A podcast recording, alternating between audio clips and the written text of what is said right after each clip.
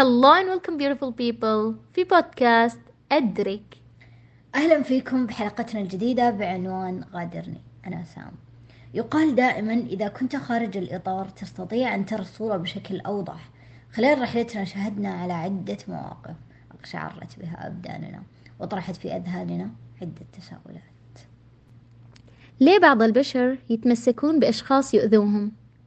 الأذية واضحة وضوح الشمس. مع ذلك يحاولون يبررون تصرفات الشخص.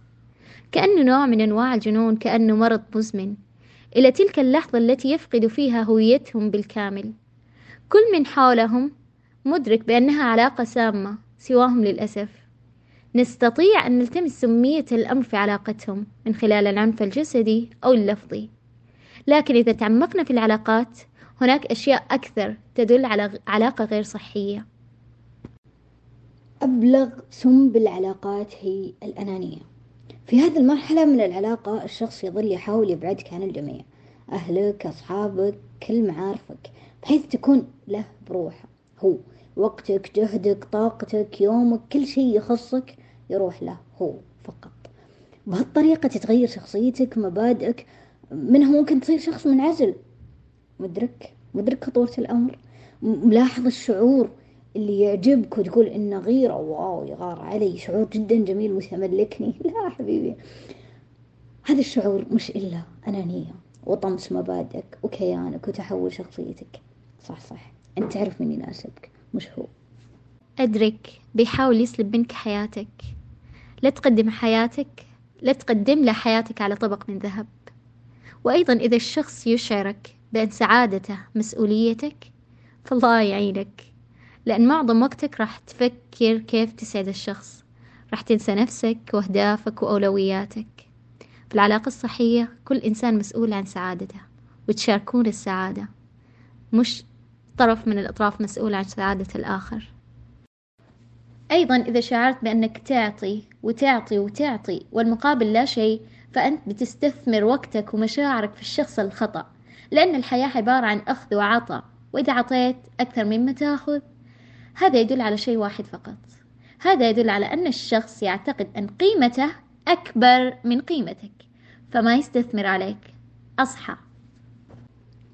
وإذا دائما تحس أنك تحتاج تكون حذر جدا وأنت معاهم حتى ما ينفجروا عليك مثلا وتفكر في الكلمة عشرين ألف مرة قبل ما تقولها فأنت مو في المكان الصح لأن الأمر مرهق جدا مرهق أنك ما تكون نفسك. فعلا ترون أني أول ما أدرك أني مش نفسي أتراجع. أتراجع ألف خطوة لورا. وقد أدرس الأمر واستوعب وأجلس مع نفسي رغم أني أنا ما أحب هذا الأمر. ولكن أجلس وقت طويل أفكر. أنا ما كنت نفسي في هذا الموقف. وأندم فعلا وأقول إني ما راح أكرر هذا الشيء. وأجلس أناقش نفسي حتى أستوعب إني في الموقف الفلاني. ردة فعلي هذه ما كانت أنا. أنا كيف سويت هذا الشيء؟ وهذا مو أنا. ممكن الشخص خلاني أسوي كذا شخصية الشخص اللي قدامي خلتني أسوي كذا أو احترامي له أو أيا كان. ولكن هذا مش أنا.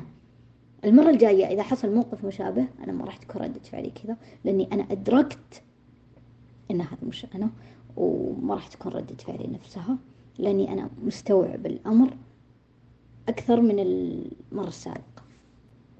إذا كلمة لا ليست ليست خيار في العلاقة بمعنى إذا ما تقدر تقول لا وتعبر عن رأيك وتخالف في الرأي وتكون إنسان حر بذاته بفكر بمعتقداته أيا كان. إيه، إذا إذا إذا سلب منك هذا الحق عليك المغادرة. هذه العلاقة مش مناسبة بتاتا. إنك شفت كل الأشياء اللي قلناها تضاهي هذا الشيء. يعني تخيل إنك في مكان ما تقدر تقول فيه رأيك. تخيل إنك في مكان مطموس لهالدرجة. تخيل. تخيل إنك الآن وإحنا نتناقش تخيل اللي أمامي ما تقدر تقول رأيها يا الله يا عظمة الأمر. آه نقطة أخيرة في بودكاستنا لليوم أو حلقتنا ما اعتدت أقول بودكاستنا. أوه. أوكي. أحبه ويحبني. ولكن بيننا سد سد شخصياتنا. لا يود من الحب إلا قليلا. وأنا والله لو كان الأمر يمناي كان اليوم لست أربعة بل حبا والذي يليه هياما وكل أيامنا عشقا. تخيل تخيل أنه يفضل الاستيقاظ على صباح الخير. هك هذا الباب تفضل إلى دوامك. بدلا من أن يقال له صباح الخير أتود من الحب قليلا؟ هذه علاقة سامة طرف عاطفي والآخر لست بجاف ولكن لا يمد للعاطفة بصلة منطقيا بحت أعتقد إذا ما في توافق في الشخص في الشخصيات ما راح يستمر. إذا ما في توافق في الشخصيات ما راح يستمر. إذا ما في تفاهم إذا ما في أخذ وعطاء إذا ما أعرف أتواصل معك ما راح أعرف أستمر. طيب يعني هذا يدل أو كلامك مغزاة إنه أي شخص أي شخصين مثلا سواء أصحاب أو أيا كان يحبون بعض ويحترمون بعض ويحبون بعض. ولكن شخصياتهم مختلفات يعني إنهم يبعدون عن بعض. الشخصيات المختلفة الشخصيات المختلفة أحيانا تنزف طاقتك بشكل مش طبيعي. الحب مش كافي. والاحترام مش كافي. okay. الاحترام كافي. الحب مش كافي. آه الاحترام كافي. okay. بس العلاقات اللي فيها شخصيات مختلفة جدا تستنزف طاقتك بشكل مش طبيعي مش مختلفة الشخصيات عدم توافق الشخصيات. ما يعرف ياخذوا بعض ما يعرف يتواصلوا أفكارهم جدا مختلفة. مهما حاولوا يجوا في النص ويناقشوا الأمر ما يعرفوا يوصلوا أفكارهم. كل إنسان ما هو قاعد مو بلازم إن الأفكار مختلفة. إذا ك... إذا كانت العاطفة إذا مدى العاطفة مختلف عندنا ما يعني إن كل أفكارنا مختلفة. إذا في توافق في العلاقة أنا اللي أعرف إذا في توافق في العلاقة راح تمشي.